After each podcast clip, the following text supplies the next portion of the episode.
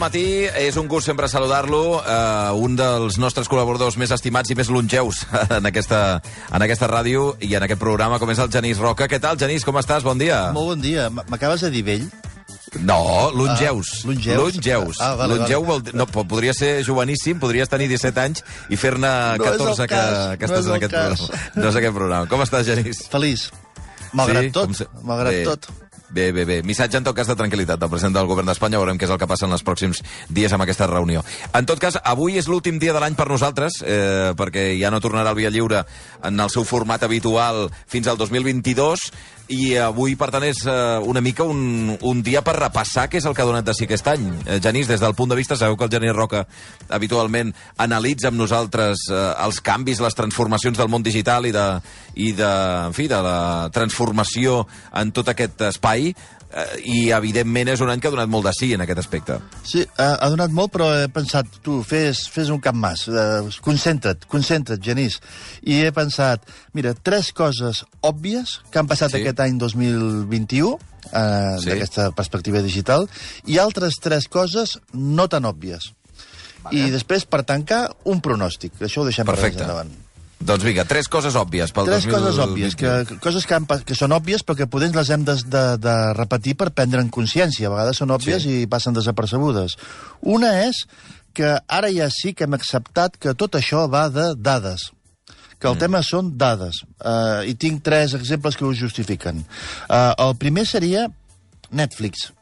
Ens hem acostumat a que els serveis digitals són increïblement personalitzats.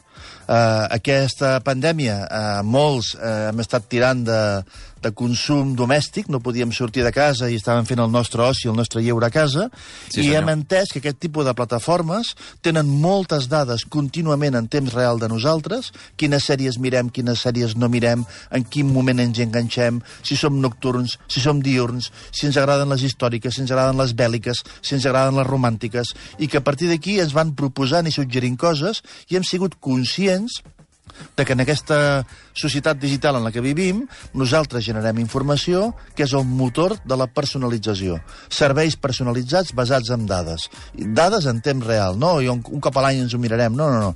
Uh, Spotify, uh, no sé si sou usuaris de Spotify, I us tant. envia un resum dient bueno, aquest any Sí. has escoltat molt això, menys allò altre, t'agrada aquí... Hi ha gent que, per cert, que Genís, hi ha gent que el comparteix amb molta facilitat i gent que ens el guardem Sí, sí, per vergonya aliena. No? per vergonya. No, I també ets El conscient resum. de que quan el teu perfil el comparteixes amb altres, alteres el teu perfil. Uh, I vull tant. dir que deixes el password a algú que només escolta sevillanes i llavors Exacte. uh, pensen que a tu t'agrada molt la música sevillana. Tornes, bo, tornes boig l'algoritme, diguem-ne. Aquesta és una. L'altra és Covid. Uh, amb el Covid ens hem normalitzat, i ara sentíem el president del govern espanyol, hem normalitzat que la presa de decisions, lo normal és que sigui basada en dades. I llavors mm -hmm. et diuen, uh, com que la ràtio de no sé què és 6.4, ergo, tanquem tots els restaurants. I dius, ostres, Correcte. uh, això que pot semblar normal no ho era. Uh, uh, més que mai les decisions s'estan uh, basant en dades. I si no les bases en dades, sembla una decisió arbitrària. Això ens comença a donar un cert confort o ens, ens comença a donar una certa garantia de que la decisió està ben presa però siguem conscients de que la dada que es fa servir, la majoria de nosaltres és incapaç d'entendre si és la millor dada possible per prendre decisions. Total. No sé si ho estic explicant bé, eh? però la idea Sí, és... sí, sí, sí. Es justifiquen les decisions basades en dades, normalment dades que no entenem. La qual Sí. ens deixa en un territori on no podem opinar. Com que és 6.4, hem de tancar. Dius, home, i si, i si fos una altra dada? I si fos 6.3? Però t'exclouen bona de la, de la... És una nova dictadura, la dictadura de les dades. Mm. Eh, tot es construeix en base a dades, t'inhabilita molt per poder opinar, eh, però la dada és irrefutable per prendre decisions. Eh, aneu-vos calçant, que és el món cap al que anem. Un, un món dominat per decisions basades en dades que et costa d'entendre. I la tercera cosa que volia parlar d'aquest capítol de dades és Sí. eh, tot això ens porta a una cultura de serveis en lloc d'una cultura de productes. Per exemple, eh, jo sóc usuari del servei de Netflix o sóc usuari del servei de Spotify, que és diferent de em compro un disc o em compro una pel·lícula. Llavors, jo ja no compro un disc del Zetangana, sinó que el que faig és, em faig usuari d'un servei que és eh, eh, Spotify. Una substitució dels productes per serveis. I mm. pos, porto un exemple molt bèstia d'això que està passant. No sé si coneixeu, segur que sí, però hi ha gent que no viu a Barcelona, aquestes motos de lloguer per hores, tipus Ecultra, per exemple. Sí. Són motos que tu tens una app eh, i dius, mira, la moto número 144, eh, i l'agafo. I utilitzes, ets usuari d'aquella moto durant 20 minuts, el tornes a aparcar i et cobren el temps que l'has fet servir i la tornes a deixar i en paus. Això és una cosa que abans era tenir una moto, ha sigut substituïda per un servei de ara vull una moto, ara deixo una moto. Mm. Vale. De quina marca són les motos de Icultra, per exemple? No, no ho sap ningú. Ni idea. Ni idea. De cop i volta te la rempampinfla. Perquè quan ets usuari d'un servei, les marques perden pes. Ara imagina't la cara de susto que se li queda a Honda, Yamaha, Ducati, Kawasaki, amb tot l'esforç que fan ells per ser marques guais, que i bo. resulta que quan ho canvies a servei, m'importa un rau a la marca. Mm -hmm. la, molta gent que comprava motos ha deixat de comprar motos perquè ara són usuaris d'un servei i de cop i volta els fabricants de motos eh, eh, en lloc de vendre'm una moto a mi, que jo era molt fanàtic de Honda perquè jo era de Marc Márquez, per exemple, sí, sí, sí, sí. de cop i volta ara el que compra mil motos és aquests, aquests serveis la marca ja no és important, les compren a pes i les compren a un fabricant que té una marca desconeguda. És, és, un, és un canvi profund a l'estructura del mercat però total, a més a més. En el cas de les motos és molt evident, però suposo que això acabarà venint als cotxes, també. Uh, hi, ha, hi, ha, hi ha la música, hi ha tot, tot el que tot. sigui sí, substitució sí, sí. de producte per servei, la marca palma. Uh, o, o la marca del fabricant, si més no. Bueno, mm -hmm. no sé, tot aquest lío de les dades. Això té a veure amb les dades, Això sí. ha passat el 2021 i alguns poder no hi havien parat atenció. Uh, mm -hmm. Segona, treball. Què passa amb la feina? Uh, uh, bueno, Teletreball. Pues, uh, teletreballem, no? Estem a casa, el Zoom, eh, eh, ens han tret les restriccions, però la gent ha dit, ostres, tu, és que això d'anar a treballar cada dia és una miqueta pallissa. Eh, I, per exemple, empleats de banca, amb normalitat, discutint amb la direcció que la nova jornada laboral hauria de ser 3 més 2 tres dies presencials i dos no presencials. Això fa un any era una conversa d'alcohòlics. Uh, tu t'imagines a un treballador de banca dient-li al seu jefe és que he pensat que els divendres i els dilluns ho puc fer des de casa? Uh, mm. L'haguessin fet fora. I en canvi ara és, uh, bueno, parlem-ne tu. Uh, I jo ho enllaço amb una altra cosa que és noves formes de treball eh, el que ens està passant és que gent, eh, gent molt professional, molt motivada, gent que estava molt entregada a la feina, molt workahòlica, que en diuen, sí. eh, s'ha tirat un any a casa i el workaholisme, com se digui això, aquesta addicció al treball, se li passa una miqueta. I ara resulta que anar cada dia a la feina se li fa una miqueta coll amunt. I estem eh, eh, descobrint noves maneres... O sigui, no és, eh, tot el dia a la feina hi ha gent que ja ha caigut, se li ha caigut la vena dels ulls i no està disposada a fer-ho. Eh, I també um, uh, hi ha gent molt professional que senzillament ha descobert que a casa rendeix més, uh, que es pot concentrar més, que pot treballar més, però també hem descobert que treballant des de casa uh, costa més col·laborar, costa més uh, fer companyonia i costa més... no sé, canvien les relacions de treball. Uh, I això no faré fer servir aquella frase que no suporto de esto ha venido para quedarse, uh, Ai, sí. uh, però sí que és veritat que aquí passen coses. Ho lligo amb lo de Globo, que enmig de tanta modernitat al voltant del treball continuem tinguent els problemes de sempre, els drets laborals, mm. uh, si això és un treballador o no és un treballador, si, uh, si ens estem passant autònom, o no, autònom, si és un sí. autònom o no és autònom, la precarització del treball... Són dos extrems coexistint la precarització, el milaurisme i aquestes coses que fa temps que ens van donant voltes, que ens estem empobrint tots, i en paral·lel una discussió ultramoderna sobre si podem teletreballar des a casa i si no cal anar cada dia a la feina, etc. Això està passant mm. tota la vegada. I una última idea, que és que estem per, tornant a parlar molt de renda bàsica universal, sí. que en el fons el que vol dir és uh, no necessito que treballis, només necessito que tinguis cèntims per gastar. Uh, uh, vull dir, abans era, vés a treballar, et pagarem un sou i amb aquest sou compraràs els productes que tu mateix fabriques. Uh, si tu treballes a la SEAT, et paguem un sou i amb aquest sou et compraràs un cotxe. Uh, I ara és, amb aquesta economia digital cap a la que anem, no cal tanta gent fabricant, Uh, uh, però, però necessitem que tingui cèntims igualment per pagar-los. Uh, uh, a Netflix Espanya, no sé quanta gent hi treballa, poder 100, però les sales de cinema que han tancat, que hi havia milers de treballadors, llavors una cosa que abans hi havia milers de treballadors, ara només n'hi ha 100, m'han sobrat milers de treballadors, però necessito que paguin el Netflix. Clar. Uh, I si no tenen feina, com ho faran? Aquesta substitució de, de com Menys funciona el treballadors treball. i, i més clients, diguem. Més, menys treballadors i més clients. Això porta a dir, bueno, doncs us hem d'enxufar pasta perquè si no perdem els clients. Mm. Bueno, tot això em sembla que està passant ara, eh? El Sí, 2021. sí, sí, sí, sí, sí, sí, sí. I l'última cosa que voldria destacar d'aquest 2021, doncs haig de fer una tria, és això de que hem vist que ens ataquen. Hem vist que això del digital eh, té vulnerabilitat. Hem parlat molt del cas de l'autònoma, Sí. Uh, vam parlar també de la DAM, que la gent... Mira, Sí. l'autònoma la gent li va fer gràcia, però que la DAM... Tan, ostres, que, que deixin de fer cervesa va semblar més greu, no? Uh, Bueno, i el cas de la Generalitat, evidentment. i el cas de la Generalitat d'ara fa un 10 dies o una setmana, no sé quan va ser, Sí, uh, són sí. casos diferents. Un comentari molt ràpid de quin tipus de casos estan tinguent. El cas de l'autònoma i de la DAM és uh, un dolent va sistemàticament buscant per la xarxa alguna vulnerabilitat en els nostres sistemes que li permeti entrar on no li tocava entrar. Uh, mm. Per exemple, en el teu arxiu de proveïdors o en el teu sistema informàtic que controla la fabricació de no sé què. I quan logra entrar, encripta el que troba i com que ho encripta, tu ja no pots fer-ho servir. I llavors és el que diríem tan segrestat la informació o tan segrestat el sistema. I et Sí. diu, si em pagues, t'ho desencripto. Que jo sé que de cara de tonto, diguent, home, i si et pago i no ho desencriptes, eh, quina garantia tinc de que si te pago em desencriptaràs, etc. Correcte. Llavors, quan això passa, depèn de què t'han pillat, que tinguis més o menys capacitat de recuperar el sistema sense pagar. Mhm. Si t'han encriptat un, un, un fitxer que tu tenies una còpia i recuperes la còpia i tal, doncs poder te'n surts. Però si t'han encriptat una part dels teus sistemes més crítics que no és tan fàcil substituir per una còpia, llavors vas, vas més enganxat. Per exemple, DAM sembla que se'n va sortir prou bé. Uh, L'autònoma sembla que... Ostres, semblava el del volcán de la Palma, no? Ostres, porta Sí, dos sí, sí, mesos sí. i encara no ho han arreglat, no? I no ho han arreglat, sí, sí. Uh, però és, un segrest del teu sistema.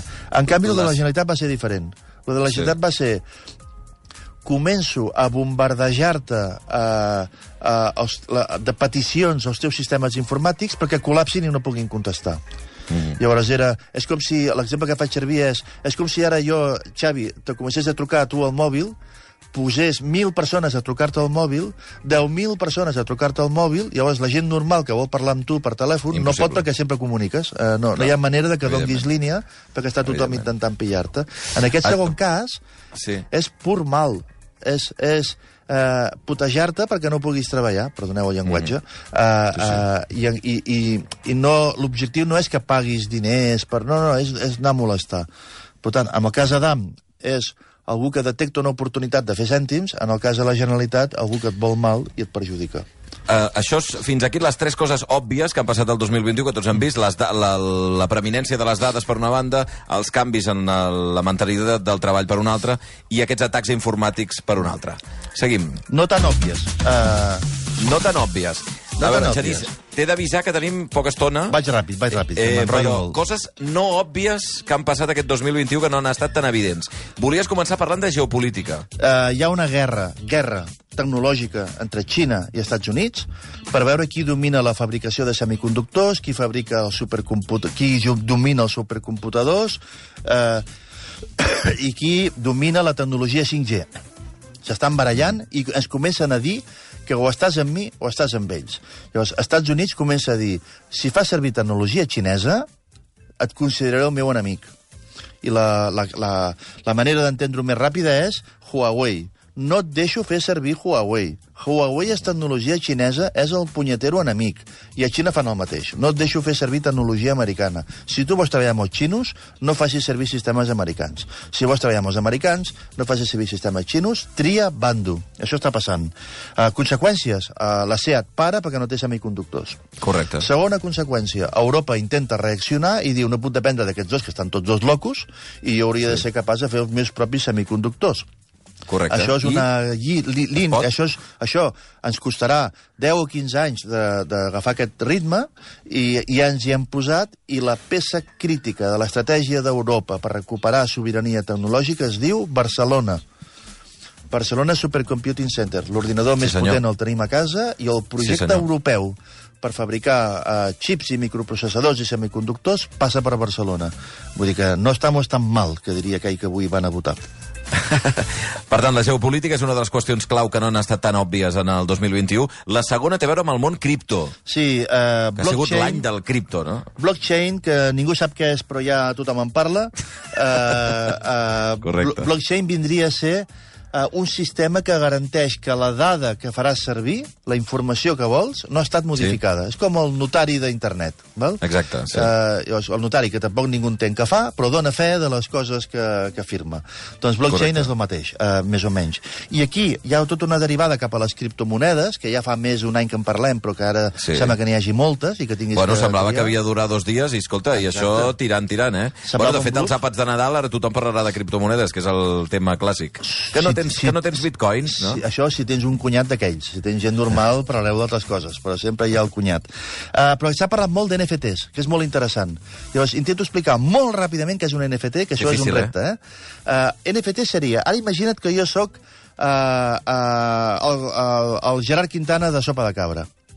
Val? I necessito finançar el meu proper disc. I, i, per exemple, jo fins ara, si lloc de ser el Gerard Quintana de Sopa de Cabra era, de, era un empresari, jo podia agafar i treure a borsa la meva empresa. La podia treure a borsa, això depenia de que el regulador m'acceptés la sortida a borsa, i llavors jo podia dir, la meva empresa són 100 accions, i tu, Xavi, podies anar i dir, compro un 2% de les teves accions. I Correcte. tu et creies, et creies que tenies un 2% de la meva empresa, malgrat mm. que la meva empresa fos d'Igualada i tu visquis a Sabadell. Uh, Sí, sí, però tu sí. t'ho creies. Sí, I et sí. creies que, que tenies un 2%, que no t'havien fet la pirula, que no havíem dit que eren, eren 100 accions i en veritat n'estaven venent 200. Exacte, et creies que el nombre d'accions era el correcte. Doncs ara, amb NFT això ho pot fer tothom. Jo, Gerard Quintana, cantant del Sopa de Cabra, podria dir que trec a borsa els drets de la cançó eh, d'una cançó.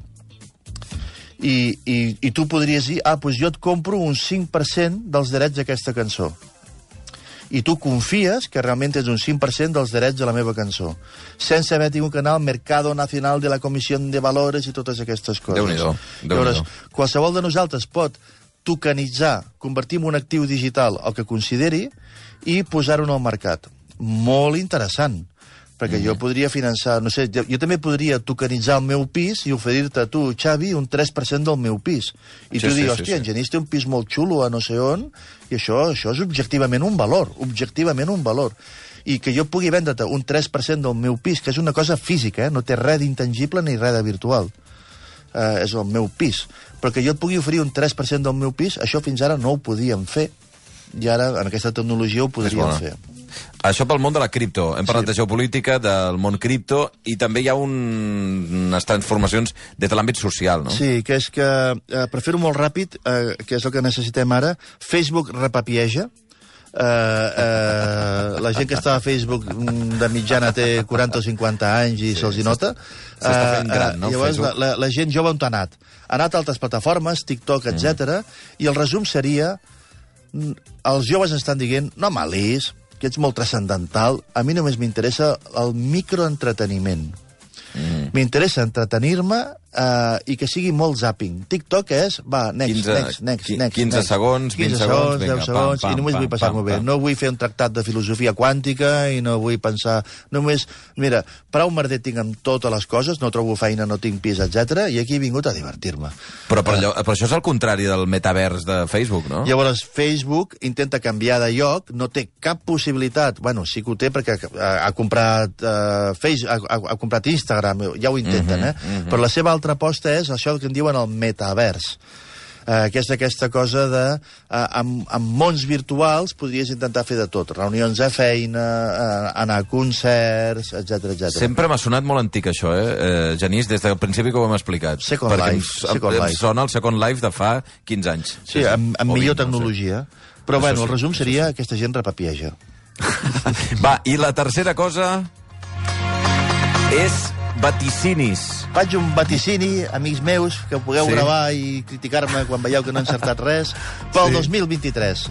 Home, Ah, pel 23, perquè l'any que ve és el 22. El 2022, jo què sé. Ah, Així, ja- amb les ulleres a mirar a prop, no, no, no, no, no surt res. Jo 2023. Porto, porto ulleres a mirar de lluny i el 2023-2024 prepareu-vos ara, sentireu parlar molt, molt, molt de Web 3.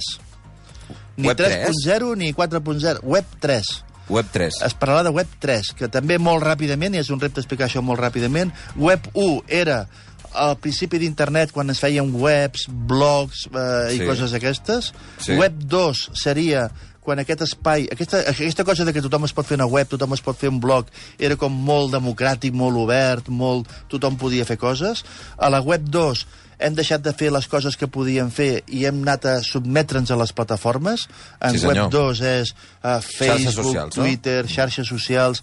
Puc fer el que vulgui i ves per on ho faig condicionat per les regles de joc d'una gran plataforma.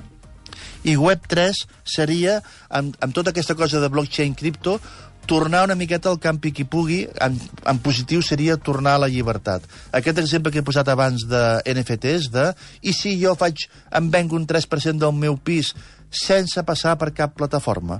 I si jo eh, començo a fer una altra manera de fer l'economia, etc etc sense passar per, per, per plataformes? En tot això del blockchain, que és molt més important del que sembla, encara que no ho entenguem, hi ha l'intent de tornar a descentralitzar la xarxa. I llavors, durant el 2023 i 2024, el que veurem és una tensió entre aquest esforç per descentralitzar Molt i el esforç clàssic per tornar a centralitzar. I aquesta batalla, aquesta conceptual, es diu Web3, i molta compte perquè ens estem jugant com serà la nostra societat, com serà la nostra economia, com de lliures serem i fins a quin punt farem el que ens diguin o intentarem fer una miqueta el que vulguem.